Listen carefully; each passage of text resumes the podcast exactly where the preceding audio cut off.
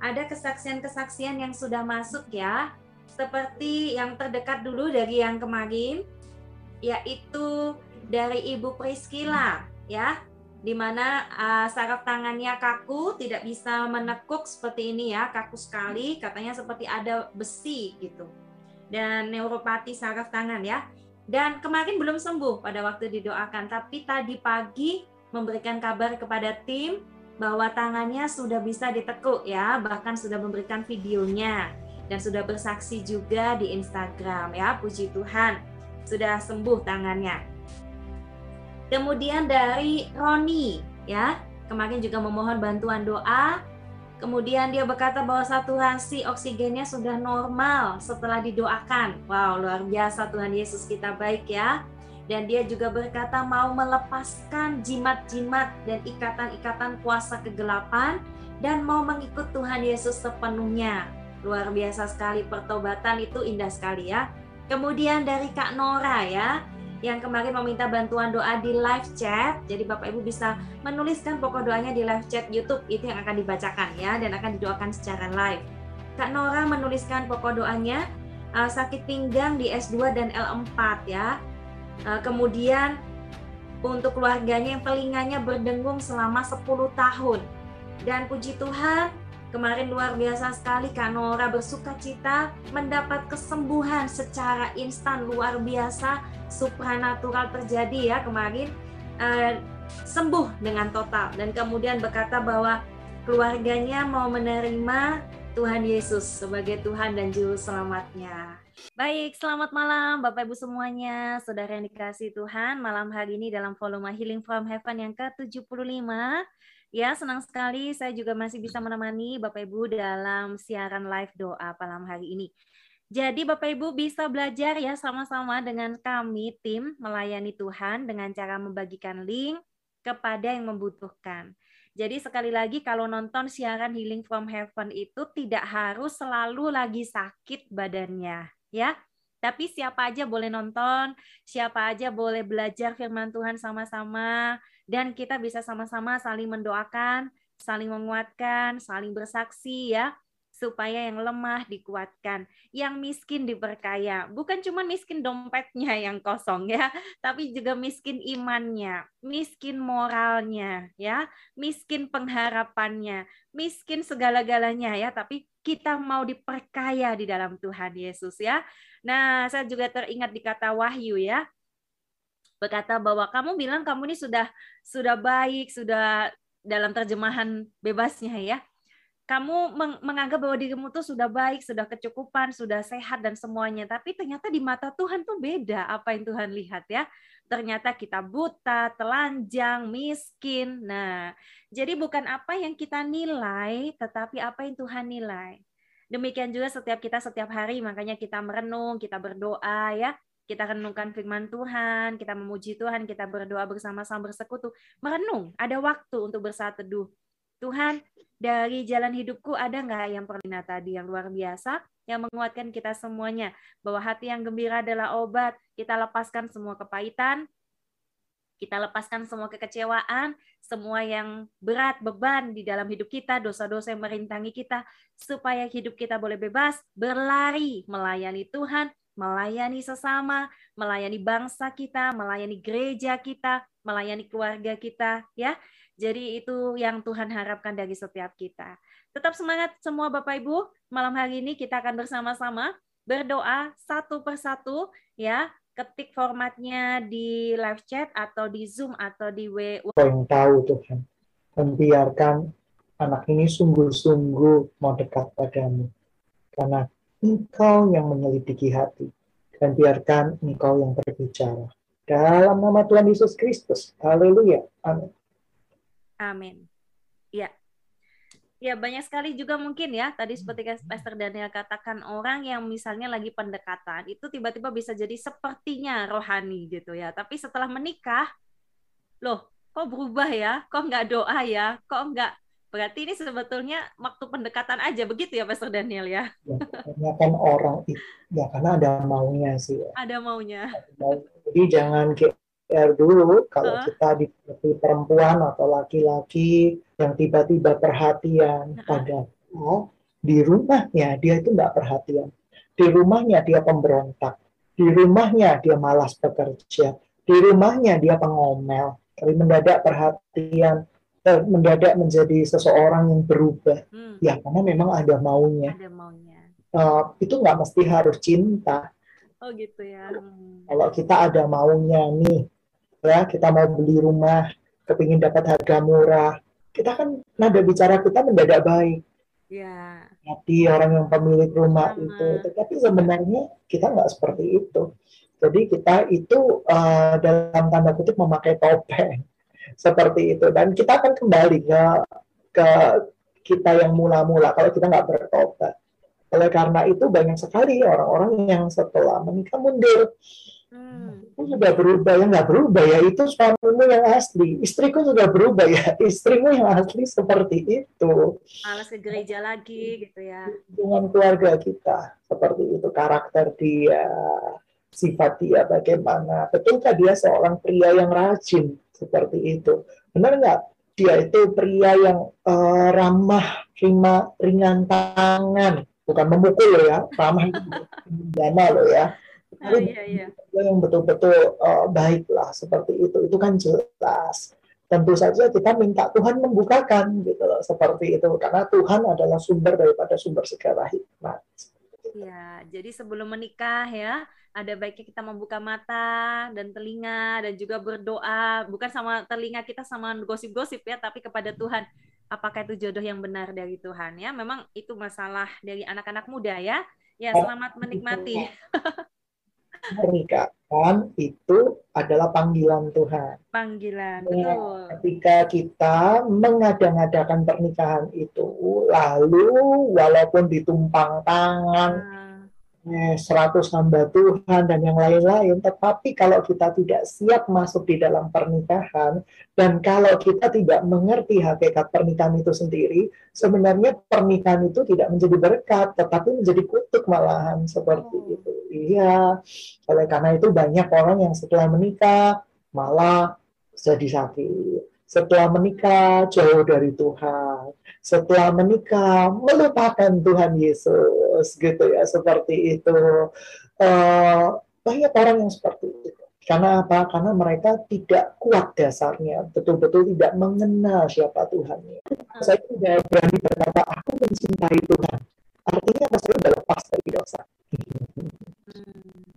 Ya, berarti kita menarik pelajaran malam hari ini ya Bapak Ibu Saudara ya atau teman-teman pemuda ya yang belum menikah yang lagi lajang ya atau biasanya kalau kumpul makan-makan nih biasanya ya untuk teman-teman yang merayakan Imlek ya Sincia wah mana nih jodohnya kapan nikah? Kapan nikah? gitu ya. Nah jangan khawatir ya karena Pastor Daniel juga mengajarkan pada kita anak-anak rohani yang ada di gereja kami yang ada di ministry kami menikah itu panggilan ya menikah itu panggilan itu tidak harus selalu diada-adakan harus ada atau sudah sangat tergesa-gesa nih usia mau 20 takut usia mau 30 takut usia mau 40 wah ya kalau nggak dapat pasangan bunuh diri deh jangan ya jadi usia 30 usia mau 40 terus dalam tanda kutip kejar target kejar target darahkan akar pun jadi pokoknya pria jadi-jadian atau Aduh. ya juga yang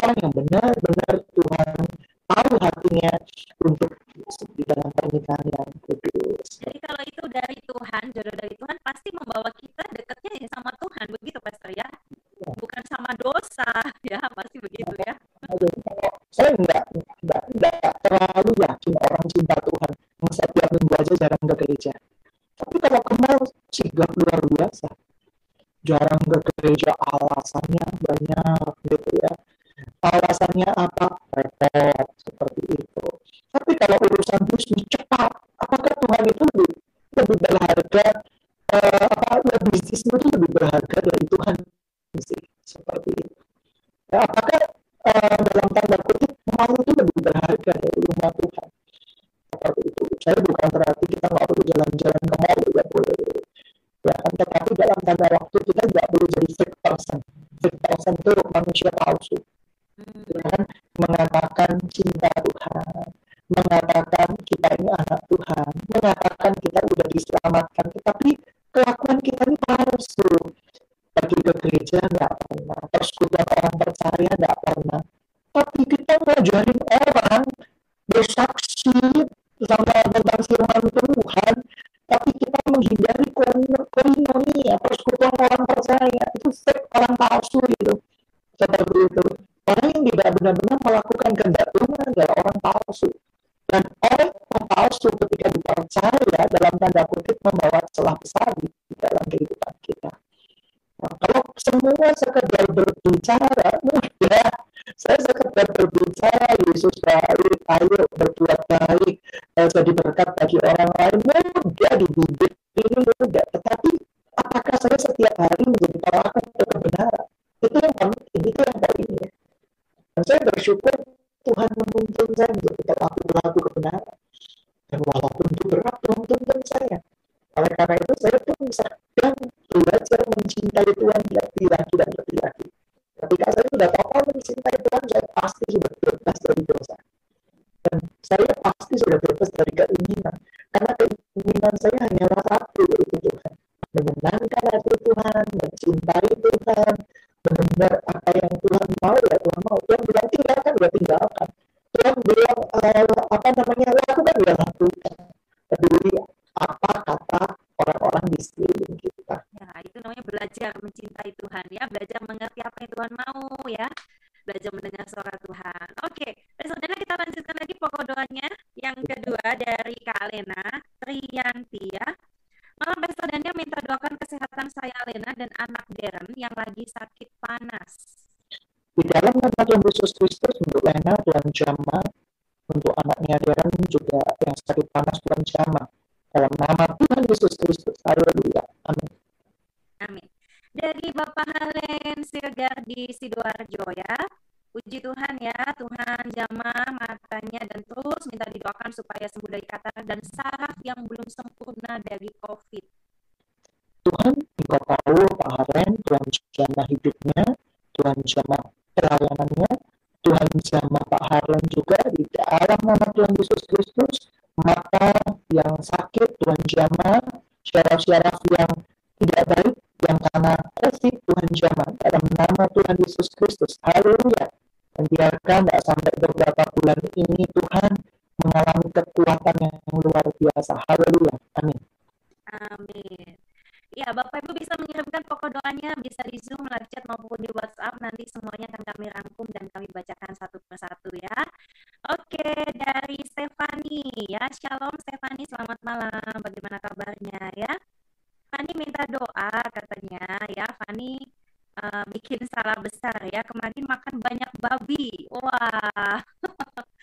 ya lepas-lepas kontrol nih Pastor Daniel ya. Makan babi dan mooncake ya. Wah, saya nggak dapat nih mooncake-nya ya. Pink hijau, Fani nggak bisa tahan godaan. Berat naik 2 kilo. Wow, dalam satu malam ya. naik 2 kilo. Minta didoakan kurus. Wah. Bagaimana Pastor Daniel ya? Kemarin Pastor Daniel juga makan-makan atau bagaimana juga? makan-makan dua sekali sekali wajar lah tidak apa-apa asal tidak berlebihan gitu ya tidak berlebihan ya ada serat dan yang lain-lain untuk kami tinggi badannya berapa kalau tinggi berarti 52 ya kalau kecuali tingginya 140 berarti maju itu kan ya masuk mungkin ya ya ada gemuk gitu kalau tinggi ya saya rasa nggak masalah ya ya biarkan terjadi sesuai dengan kehendak Tuhan kami dalam nama Tuhan Yesus Kristus. Amin. Amin. Ya, yang kemarin juga yang habis makan-makan ya, ternyata besoknya ditimbang jadi nyesel gitu ya tapi gimana ya memang mulut kita kadang aduh sudah di depan mata ya uh, atau mungkin yang mungkin kemarin habis jalan-jalan keluarga ya walaupun tidak merayakan imlek habis jalan-jalan ya. Nggak apa-apa. Nanti setelah ini olahraga lagi ya olahraga. Nah, menginjak dewasa metabolisme akan melambat lambat betul. Dulu saya tidak se, se sebesar ini. Waktu masih kuliah awal ya. Ya ketika metabolisme melambat kita harus berolahraga lebih banyak dan makannya sedikit ya Pastor ya? Makannya nggak boleh banyak-banyak. Tetapi teorinya jadi berkebalikan sekarang karena kalau zaman sekolah gitu ya metabolismenya cepat makannya banyak olahraga juga banyak jalan kaki. Ketika kita tidak bekerja sudah pelayanan ke mana-mana bawa sepeda motor ke mana-mana bawa mobil seperti itu sudah lambat mobilnya dan motornya yang olahraga. Bukan kita yang olahraga akibatnya apa? Akibatnya penimbunan lemak seperti itu. Oleh karena itu ya saya kali ini susah juga sangat susah untuk berolahraga ya ini bagaimana siaran di YouTube? Apakah bisa didengarkan dengan baik ya? Kalau di Zoom kelihatannya oke okay, tapi semoga yang di uh, YouTube ya boleh memberikan konfirmasi kepada saya apakah semuanya berjalan dengan baik ya. Oke, kalau begitu kita lanjutkan kembali dari Kelly, Shalom tim HFH dan Pastor Daniel. Doakan suamiku Wesley Malaka 41 tahun agar sembuh dari penyakitnya dan doakan juga anak-anakku agar sehat menjadi anak yang baik. Semoga rezeki keluargaku melimpah. Suaminya dan jamaah di dalam nama Tuhan Yesus Kristus. Istrinya dan anak-anaknya Tuhan jamah juga. Dalam nama Tuhan Yesus Kristus. Kasih Tuhan ada pada keluarga ini. Haleluya. Amin dari Kalita mau tanya Oke, ini pertanyaan ya sebelum Bapak doa. Kalau sering mimpi orang yang sudah meninggal, kenapa ya, Pastor? Tolong doakan juga untuk sembuh asam lambung dan badan lemas, HB dan besi sudah norm zat besi sudah normal. Oke, ada pertanyaan ya. Uh, kalau mimpi sering mimpi orang yang sudah meninggal, itu kenapa, Pastor Daniel? Saya tergam, uh, saya adalah orang yang balance di dalam menjelaskan. Mm. Segala sesuatunya itu dunia roh melulu. Mm. Ya, jadi orang yang suka berhalusinasi gitu ya, uh, itu tidak baik juga. Tetapi ada dua, mimpi adalah bunga tidur. Ya, bunga tidur juga bisa nggak ada artinya apa-apa nih bisa nggak ada artinya apa-apa karena orang yang sudah meninggal dia masuk cuma ada dia nggak bisa menjumpai kita so, kalau ada kalau ada orang yang bisa menjumpai kita di tanpa itu itu iblis gitu ya iblis yang memantau kegiatan orang itu sehari-hari menyerupai orang itu itu sebenarnya lebih ke arah iblisnya meniru ya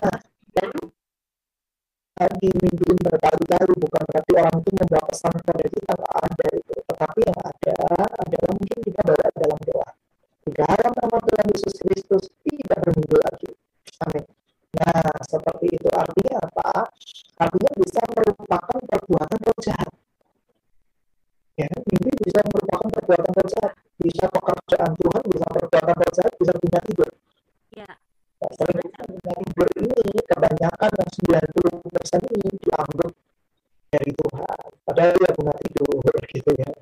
Mimpi dari Tuhan ada nggak? Ada. Ya, ada. Tapi akan menimbulkan nilai manfaat bagi gereja Tuhan. Memberikan nilai manfaat bagi sesama. Kalau kita mimpi dengan melihat perempuan atau laki-laki kejar-kejaran di taman gitu ya, lalu terjegur kali ya itu ya kadang kalau mimpi bunga tidur ini aneh-aneh kadang ya saya terbang entah ke mana begitu ya ini kebanyakan nonton film Superman nah Pastor Daniel kalau misalnya berarti kalau misalnya kan mimpi itu membingungkan gitu ada mimpi ini mimpi ini. Boleh nggak kalau kita tuh membaca arti mimpi ya dari buku-buku atau atau apa? Boleh nggak seperti itu buat anak tapi dunia kegelapan. Oh. Ya kamu juga... hanya ingin tahu aja nggak boleh ya. Hmm. sudah boleh. Karena bagi saya pribadi mimpi yang dari Tuhan itu sifatnya jelas. Jelas. Ya, jelas bisa bisa diartikan jelas menimbulkan manfaat masa sih yang datangnya dari Tuhan itu kayak teka-teki hilang seperti itu. Ya kan mimpi sifatnya jelas. Pasti ada mimpi supernatural ada nggak ada. Mimpi contoh ada seseorang mendoa berdoa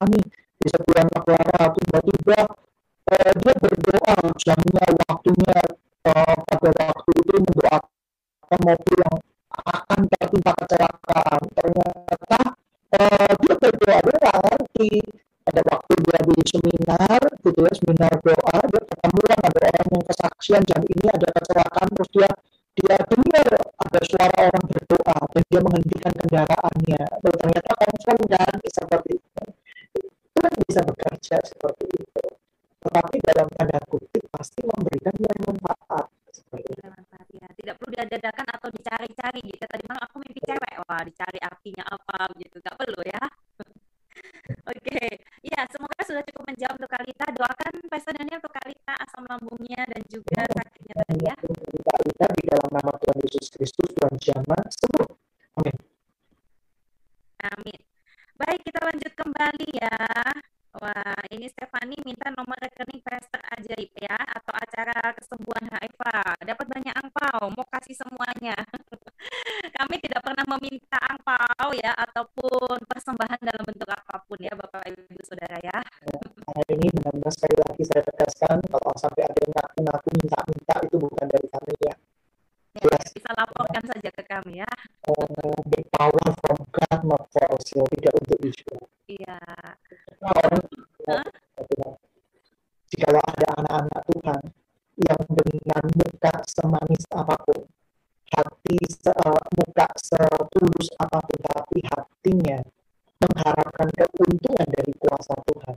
Orang itu munafik, orang itu celaka, orang itu dalam tanda kutip berhadapan dengan Tuhan sendiri. Oleh karena itu biarkan Tuhan yang menyelidiki hati kita masing-masing. Ya, seperti itu. Ya kami punya nomor rekening gereja, nomor rekening pelayanan, tapi itu untuk pelayanan. Iya, untuk pelayanan ya. Untuk uh, kepentingan diri sendiri. Betul sekali. Baik, ini doakan malam hari ini ada yang bergabung. Shalom kakak, sebentar bilang sama papa apa nih Pak? Oh Pak Pester, mohon maaf ya. Pak Pester ya, tolong doakan saya sedang agar saya tidak berhalusinasi ketika daya minum obat dari dokter. Jadi minum obat dari dokter bisa bikin halusinasi juga begitu kah? Ya atau bagaimana ini? Setelah lepas obat dari dokter. Oh, dari HIV Pastor Daniel HIV. Sakit HIV. Oke. Okay. Jadi ada obat-obatan tertentu gitu ya seperti itu yang dalam tanda kutip menyerang organ tubuh. Hmm. Tapi virus HIV ini juga bisa menyerang organ-organ tubuh.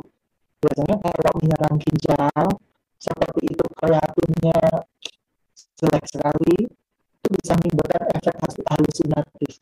Ya.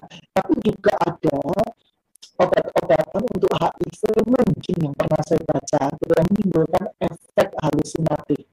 Nah, oleh karena itu bekerja sama dengan dokter ya, meminta ceritakan kondisi Anda, tapi saya akan berdoa buat Anda. Ya, kalau Anda mau percaya, sungguh-sungguh sama Tuhan, HIV-mu pasti sembuh. Kalau Anda mau bertobat sungguh-sungguh, tidak ada yang mustahil tubuhmu made in heaven, bukan made in negara tertentu. Dan di dalam nama Tuhan Yesus Kristus, sembuh. Amin. Amin. Ada lagi dari Christine Manado. Mohon doakan telinga saya berdengung terus. Ya, baik. Oke, pegang telinga yang berdengung. Di dalam nama Tuhan Yesus Kristus, sembuh. Haleluya. Amin dalam waktu dua minggu percayalah berdoa ya pertama berdoa istirahatkan dulu syaraf-syarafnya dari banyak nonton video nonton YouTube nonton-nonton yang uh, berbau gadget seperti itu kalau di dalam doa anda doa dalam doa setiap hari minum air hangat sehari dua kali saja selama dua minggu saya yakin kalau anda percaya anda pasti sembuh dari Kabolalo ya, salam puji Tuhan, terima kasih doanya Pastor dan tim badan berangsur naik berat badannya ya. Semakin pulih, kesehatannya mohon doakan agar pulih sempurna dari asam lambung dan berat badan makin stabil. Kalau yang tadi satu minta dikuruskan, ini minta diberatkan. Hmm, ya, itulah ya masalah kita ya. Dari satu tempat yang lain. Oke. Ada kan bisa begitu, Pastor dan saya mau sumbang ya. Answer lemak, ya itu Dalam nama Tuhan Yesus Kristus tetap walau sejahtera hidupmu, kuat di dalam Tuhan. Karena saya percaya Tuhan mau pakai engkau. Dalam nama Tuhan Yesus Kristus, asam lambung dan seluruh hidupmu memuliakan nama Tuhan. Asam lambungmu sembuh dalam nama Tuhan Yesus Kristus. Ya, yang mungkin ada di grup Healing from Heaven ataupun yang ada di WhatsApp, yang ada di YouTube maksud saya ya. Suaranya masih ini gangguan katanya. Ya, semoga sebentar lagi operator dan lainnya sudah bisa menemukan solusi yang baik ya buat siaran kita malam hari ini. Satu pokok doa lagi boleh? Setelah itu kita memuji Tuhan ya. Dari Kak Wiming ya. Dari Wiming ya, Kak Wiming baru pertama kali kan ya. Shalom selamat malam. Masih sering pusing kelayangan kalau duduk atau berjalan. Ya, tidak disebutkan kenapa ya bisa begitu. Silahkan Pastor Daniel. Berdiri dari tempatmu.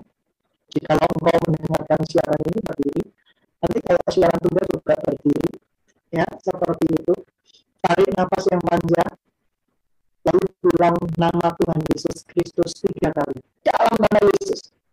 Dalam nama Tuhan Yesus Kristus. Dalam nama Tuhan Yesus Kristus. Semua. Jamaah ya untuk Kak Wiming. Dan pada malam hari ini kita memuji Tuhan kembali. Silakan tim pujian. Kita boleh ambil jeda waktu memuji Tuhan. Dan itu kita akan kembali lagi membacakan pokok-pokok doanya. Silakan.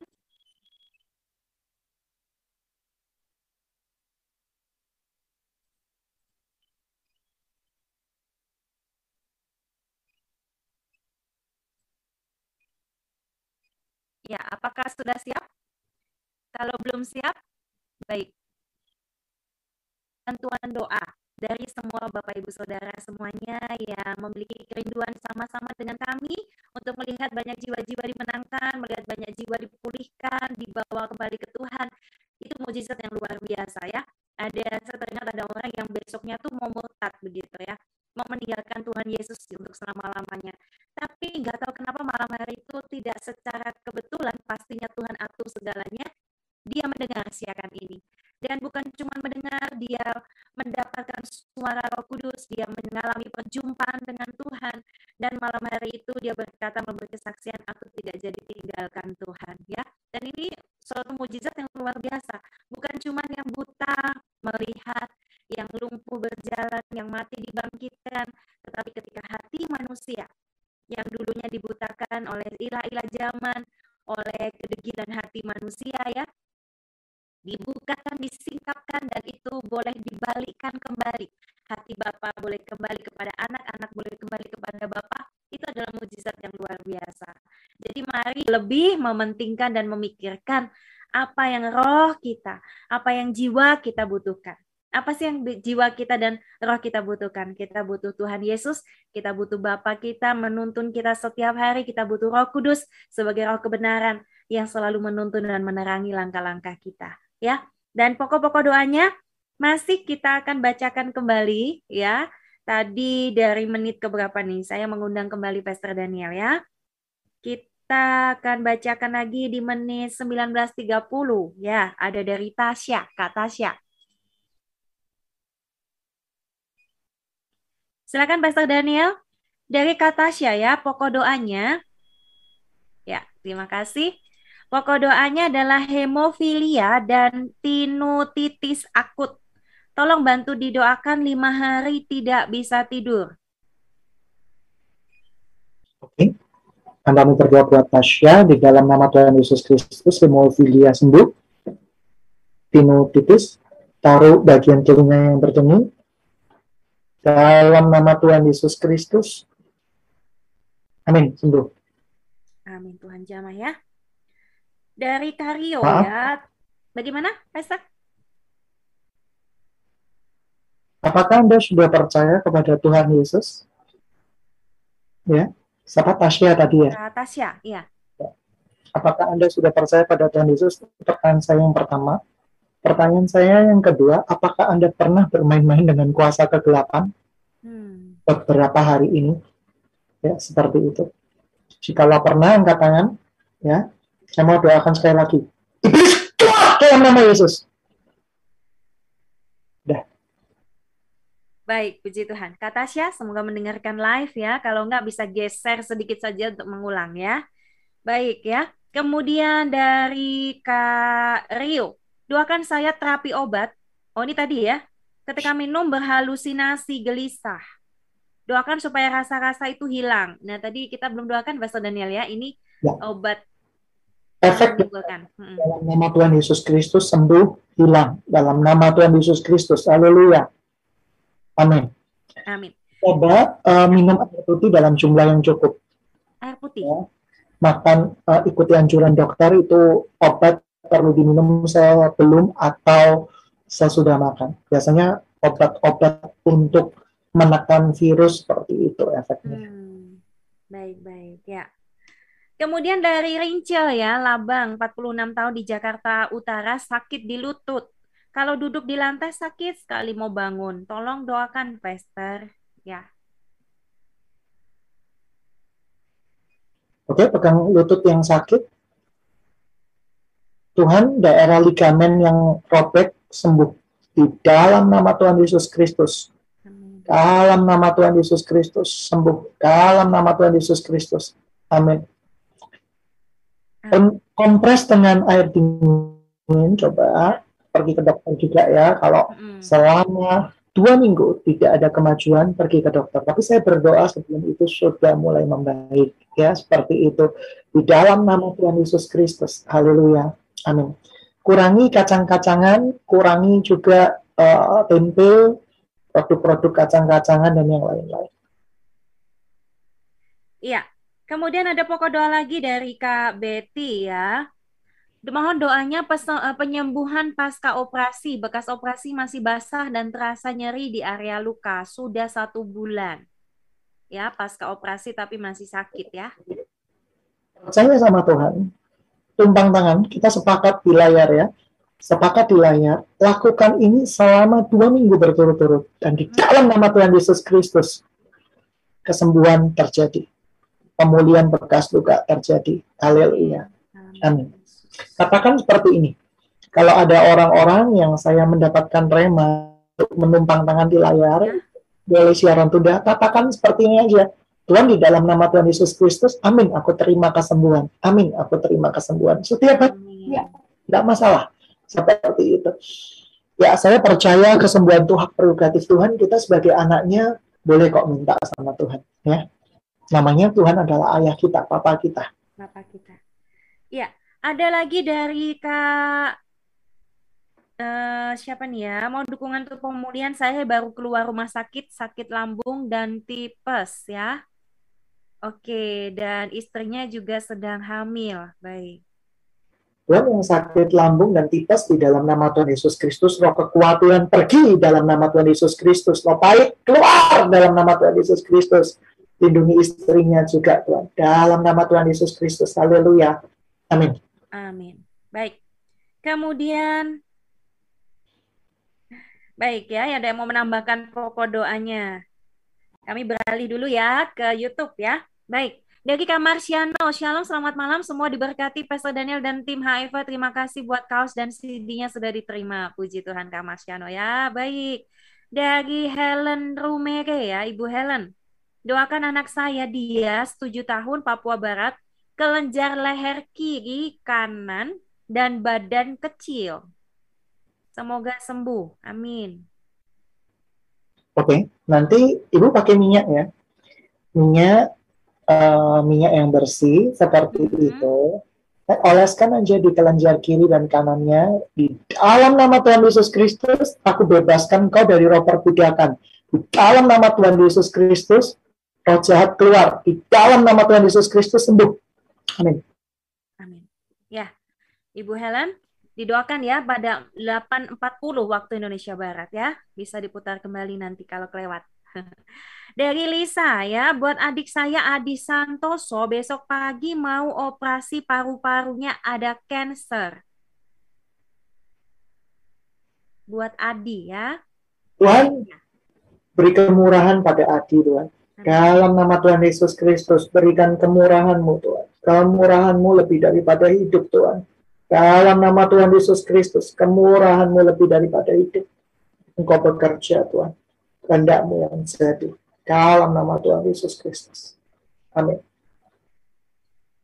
Kemudian dari Kak Welmingce, Pastor Daniel, Shalom, tolong doakan kakak saya sakit gula dan asam urat dan darah tinggi di Pasar Lama AB Pura, Papua. Ya, uh, jaga pola makan. Pola makan. Ya. Dua minggu jaga pola makan. Ya, hindari juga makan makanan yang mengundang kolesterol, asam urat dan yang lain-lain belajar makan buah-buahan, banyak serat, ya seperti itu, hindari jeruan, hindari ya tadi ya babi gitu ya, seperti itu, hindari juga uh, yang faktor-faktor pencetus itu dulu. Ya, di dalam nama Tuhan Yesus Kristus, pulih asam urat, darah tinggi, sembuh. Haleluya. Amin. Dan Amin. coba timun ya, makan timun seperti lalapan. Timun dipotong, dibuat kayak lalapan atau dibuat jus boleh. Darah tingginya ya, pesta gitu ya. Timun yes. ya untuk darah tinggi. Baik. Itu bersifat basah. Nah, nah itu ketika masuk di lambung bagus banget seperti itu. Nah, untuk darah tinggi juga bagus seperti itu. Ya, untuk kita yang sedang darah tinggi ya itu bisa dicoba. Kemudian dari Natalia ya, Shalom saya Natalia Surabaya, minta doa keluarga terutama adik Govilin dan Mei yang positif COVID.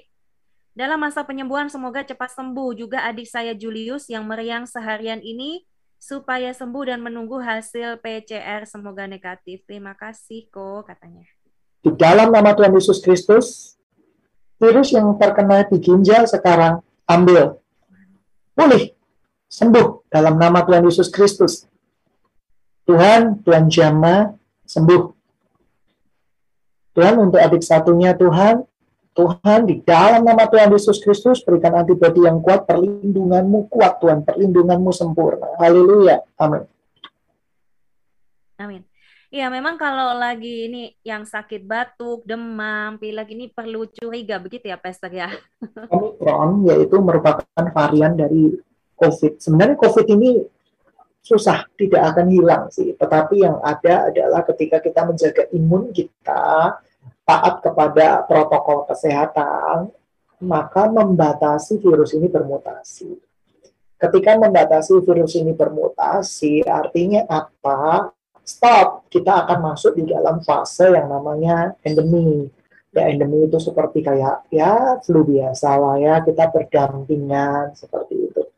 Tetapi kalau ini tidak terkontrol, kita tidak menjaga, yang dikhawatirkan adalah varian-varian baru yang lebih cerdik, yang tidak bisa dilawan bahkan dengan suntikan atau vaksinasi. Itu lebih berbahaya. Tetapi saya percaya semuanya itu seizin Tuhan. Iya. Ya, jaga antibodi, yaitu makan buah-buahan, seperti itu. Karena kuncinya cuma di antibody sama doa, ya kan?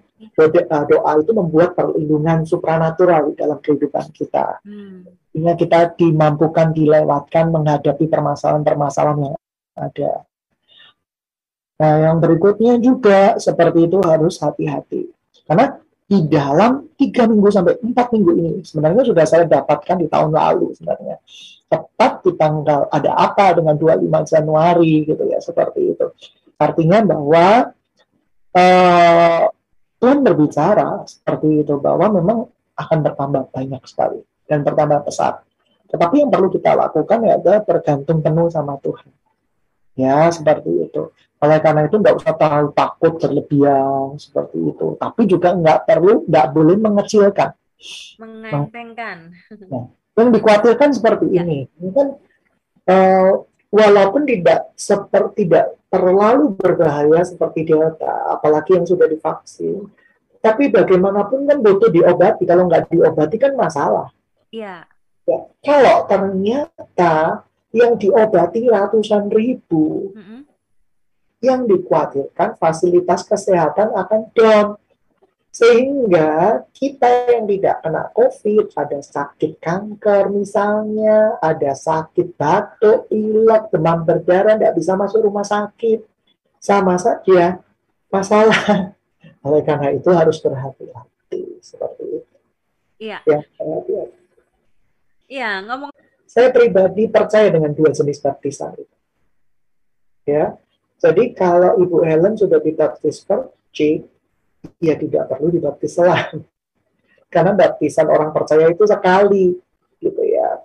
Uh, contoh. Kalau misalnya, masih kecil bagaimana, Pastor? Ini pertanyaan kalau masih kecil dulu waktu. Ya, tetapi, kalau menurut saya, ya disclaimernya ini menurut saya, kalau waktu baptisannya masih kecil itu diserahkan orang tua tanpa kita sadari tanpa kita uh, dalam tanda kutip ketahui apakah itu baptisan seperti itu ya perlu dibaptis Iya, sebenarnya bukan dibaptis ulang, perlu dibaptis karena yang pertama itu bagi saya pribadi kurang sah. Karena prinsipnya memberi diri dibaptis. Ya, Kalau memberi, masih belum sadar, belum mengerti begitu ya maksudnya. Ya, ya. memberi diri tetapi hmm. dalam tanda kutip baptisan itu bukan alat keselamatan. Artinya seperti ini, bukan uh, saya juga tidak mau berdebat secara doktrinal, karena bagi saya pribadi saya sangat menghargai baptis percik, saya sendiri baptis percik kok, seperti itu. Nah di dalam tanda kutip, tetapi ada syaratnya apa? Yaitu memberi diri. Pada waktu itu saya sudah tahu makna baptisan belum, atau cuma sekedar di waktu bayi diserahkan dipercik seperti itu. Nah, kalau bagi saya pribadi, tapi kalau si bayi ini meyakini bahwa baptisan yang awal itu dia sudah terima selesai, tidak perlu diperpanjang. Ya.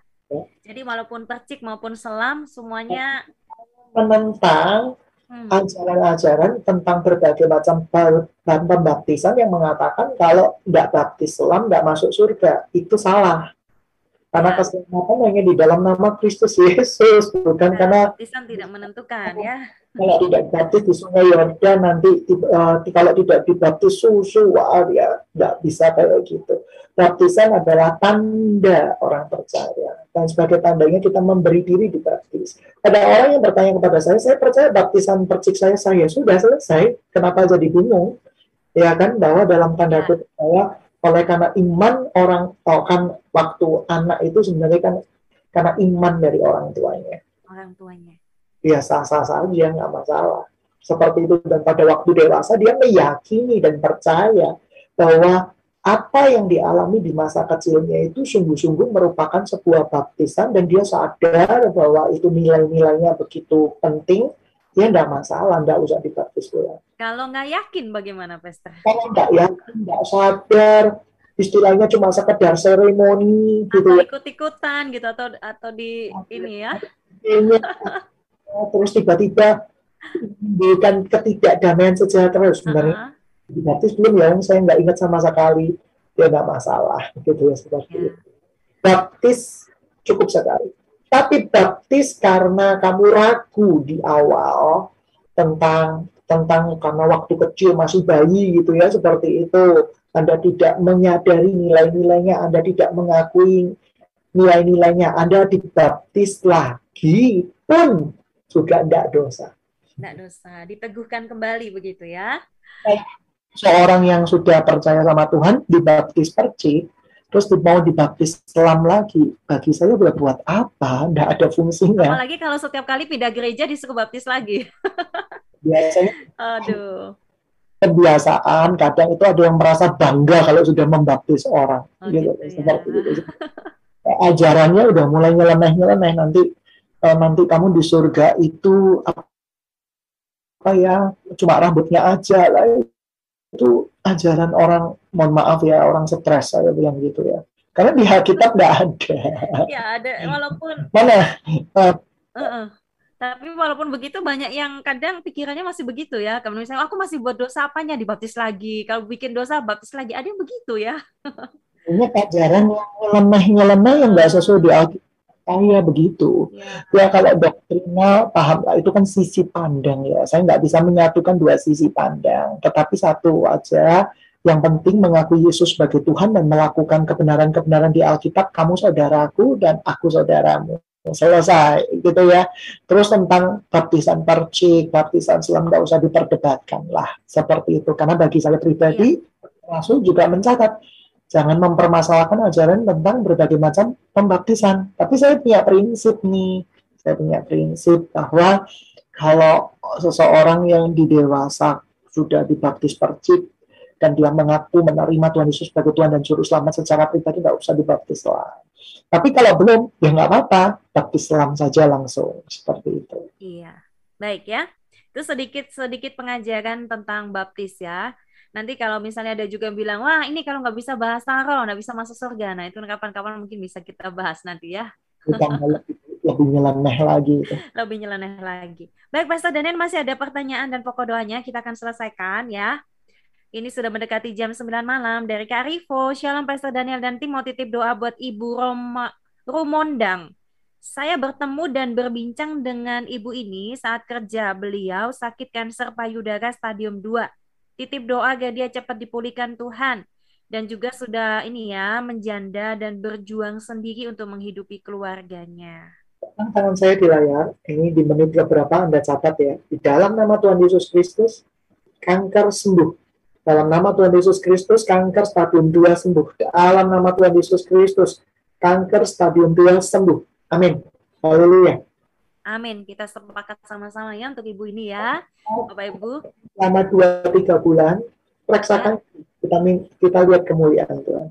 Amin ya. Untuk Kak Rivo yang titip doa terbeban untuk ibu ini ya.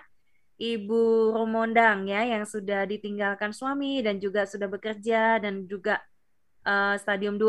Boleh dipulihkan Tuhan. Amin ya Kak Rivo di menit ke 853 ya. Dari Shalom Pastor dan ya bantu doa saya Yesi 41 tahun Sidoarjo. Sakit pinggang sebelah kiri dan lutut kalau ditekuk seperti kaku. Kiranya Tuhan jamah sembuhkan. Di dalam nama Tuhan Yesus Kristus, sakit pinggang Tuhan jamah, syaraf tercepit Tuhan jamah, gejala pengapuran Tuhan jamah. Dalam nama Tuhan Yesus Kristus, sembuh. Amin. Kak Doni, 29 tahun Bandung. Halo Bandung ya. Ini berdoa buat mujizat kesembuhan, buat sakit gigi dan gusi yang bengkak. Dan juga andai ada potensi penyakit yang belum terdeteksi, semoga dihilangkan juga supaya sehat betul-betul ke depannya. Tuhan hambamu berdoa untuk gusi yang bengkak di dalam nama Tuhan Yesus Kristus, Tuhan jamah sakit gigi Tuhan jamah juga Tuhan fatty liver Tuhan jamah di dalam nama Tuhan Yesus Kristus Tuhan jamah. Haleluya. Amin. Amin. Kak Doni yang mengirimkan ini di WhatsApp juga di live chat saya cek sama ya pokok doanya. Boleh minta doanya supaya saya bisa berhenti ke dokter sembuhkan infeksi akar gigi dan sakit gusi. Ya tadi sudah didoakan ya. Dan juga tadi Pastor Daniel sebutkan ada fatty liver juga ya. Oke, okay, jaga kesehatan ya. Bagaimana? Pokoknya jaga kesehatan, doa, percaya Tuhan akan pulihkan. Ya. ya, jaga makan juga berarti ya. Ini dari kau dari Han Han ya. Uh, mohon dukungan doa untuk kesembuhan mata supaya saraf mata kuat, sembuh dari katarak, dan melihat dengan normal kembali dari Han Han. Untuk Han Han, pegang uh, kompres dengan air hangat ya dua matanya sebentar aja. Di dalam nama Tuhan Yesus Kristus, Tuhan jamah, Tuhan jamah, Tuhan jamah, Tuhan jamah. Haleluya. Tuhan bekerja. Amin. Jadi Tuhan bekerja itu lewat dua hal ya. ya. langsung bekerja sama dengan dokter. Kita nggak perlu batasi Tuhan. Ya. ya. Jadi ada orang yang saya langsung sarankan, uh, ya kita harus cek dokter. Seperti itu. Karena dalam tanda kutip nggak boleh maksa Tuhan untuk disembuhkan langsung seperti yeah. itu. Karena Tuhan juga dalam tanda kutip memberkati pekerjaan-pekerjaan dokter juga diberikan hikmat, marifat untuk membantu eh, masalah-masalah kesehatan gitu ya. Ya itu sebuah anugerah Tuhan buat manusia ya. ya. Ada dokter, ada pengobatan itu oh, ya seperti itu seperti nanti dua orang malam hari ini saya yakin disembuhkan. Amin. Yang berikutnya seperti itu. eh, ada yang perlu waktu dua bulan, tiga bulan, lima bulan, enam bulan. Ada yang dalam tanda kutip dia kata sudah cukup kasih karunia aku padamu. Lo gak sembuh, pasti ada rencana Tuhan. Iya. Ya, seperti Serah sama Tuhan ya. Karena Hmm. langsung saja minta untuk dicabut duri dalam daging. Duri dalam daging kan kelemahan-kelemahan tubuh bisa berbicara sakit penyakit. Ada para ahli yang mengatakan itu rabun mata yang kemudian menyembuhkan orang sakit, tapi Rasul Paulus sendiri punya kelemahan tubuh. Kan doanya nggak dijawab. Ada rencana Tuhan. Ya, kuasa Tuhan boleh sempurna dalam segala kelemahan manusia ya, kelemahan kita.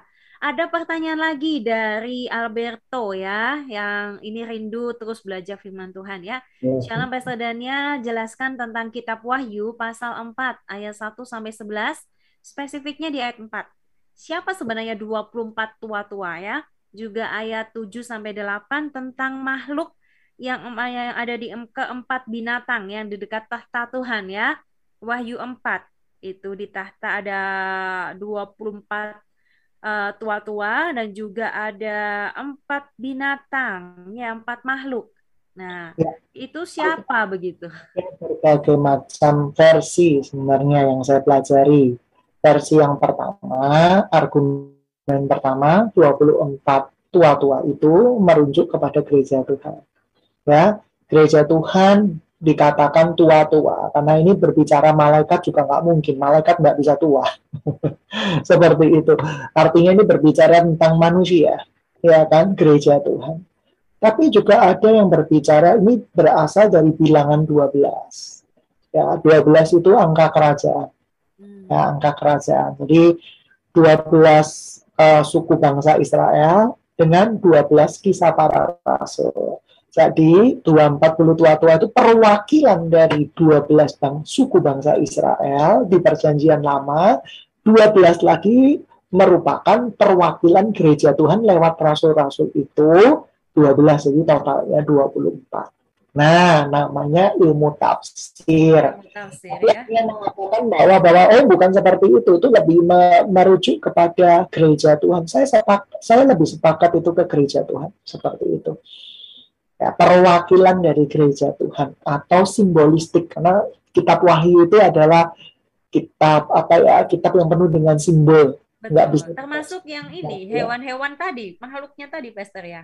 Itu sebenarnya merupakan simbol-simbol kapan kita bicara saya akan panjang nanti Iya, cari itu panjang ya simbol-simbolnya ya. Begitu Kak Alberto ya. lebih jelas saat akan susah juga nah makanya Iya. menafsirkan secara harafiah itu nggak boleh Tidak boleh, betul ya. Tidak boleh secara harfiah. Kita harus lihat dulu konteksnya dan lain sebagainya ya kalau belajar Alkitab. Dari kabel mince lagi, Pastor Daniel doakan cucu Marcella di atas vaginanya ada benjolan. Dan cucu Ronaldo beberapa hari susah kencing. Setelah didoakan baru bisa kencing. Oke. Cucunya untuk Marcella yang di atas vaginanya dalam nama Tuhan Yesus Kristus, Tuhan jamah. Haleluya. Tuhan jamah. Amin. Amin. Jangan diapa-apain ya, didoain saja. Nanti dalam dua minggu kalau keluar putih-putih atau nanah, Nana. sudah tidak apa-apa dibersihkan saja. Baik. Iya, ada satu lagi. Semuanya sudah selesai ya. Satu lagi ya Bapak Ibu ya. Pokok doanya dari Kak Mei Sela. Shalom Pastor Daniel, saya Sela. Mohon doakan karena saat tidur malam, saya sering sekali mimpi-mimpi nggak jelas. Nah, mimpi nggak jelas ya. Eh, tadi sudah dijelaskan. Mungkin ini bunga tidur kah atau bagaimana ya? Enggak orang kalau diteliti memang ketika eh, suka ngelindur Suka pikir tidur. terlalu aktif gitu ya seperti itu. Jadi orang-orang seperti ini energinya lebih. Jadi Ya, ya. tersalurkan lewat mimpi begitu ya. Nah, biasanya yang saya sarankan adalah berdoa dan mendengarkan lagu-lagu rohani. Ya, kita akan masuk di dalam sebuah fase akan menenangkan, meneduhkan. Semoga mimpinya juga bagus. Kalau kita sebelum tidur baca Alkitab, sebelum baca Alkitab kita lihat YouTube. Omikron ke mana-mana. Ke bawah mimpi terusan ya. selingkuhan. Kita lihat Hmm. YouTube ini itu. Terus pikiran kita malah YouTube itu tips-tips bekerja. Oh, otaknya akan ke mana-mana. Padahal memang yang paling enak kalau malam-malam tuh lihat lihat berita apa gitu ya lagi sendirian. Nah, tapi justru itu ya masuk semua ya ke dalam alam mimpi ya. Uh, waktu tidur adalah waktu di mana kita mengistirahatkan tubuh jiwa roh kita. Tidur itu anugerah Tuhan loh. Iya, betul. Nah, karena itu sebelum tidur kita juga menghargai anugerah Tuhan. Ya kan? Uh, baca firman Tuhan, lalu tidur ya itu agak kurang ajar sih firman Tuhan untuk pengantar tidur maksudnya baca firman Tuhan setelah selesai dengarkan lagu-lagu pujian kalau tips dari saya seperti itu jangan lihat menu makanan. Besok masa apa ya? Lihat di YouTube gitu ya seperti itu. Nanti ke bawah semua. Kesusahan sehari cukup sehari ya seperti itu. Iya. Ada yang mau tadi Kak Jun Mali ya? Sebentar saya cek. Oh sudah didoakan ya. Kak Jun Mali tolong pokok doa 2015 kelewatan. Sudah didoakan satu keluarga tadi yang demam tadi. Sudah didoakan ya Kak Jun Mali.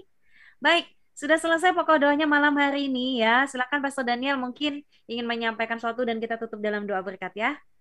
Dalam nama Tuhan Yesus Kristus, kami percaya kemurahanmu lebih dari hidup dan Tuhan jamah. Terima kasih Tuhan untuk malam hari ini. Tuhan berkati semua pemirsa Healing from Heaven, Bapak, Ibu, Saudara-saudari, semua yang dikasih oleh Tuhan. Malam hari ini kita tidur dalam damai sejahtera. Perlindungan dari Tuhan Yesus, Tuhan kita. Haleluya. Amin.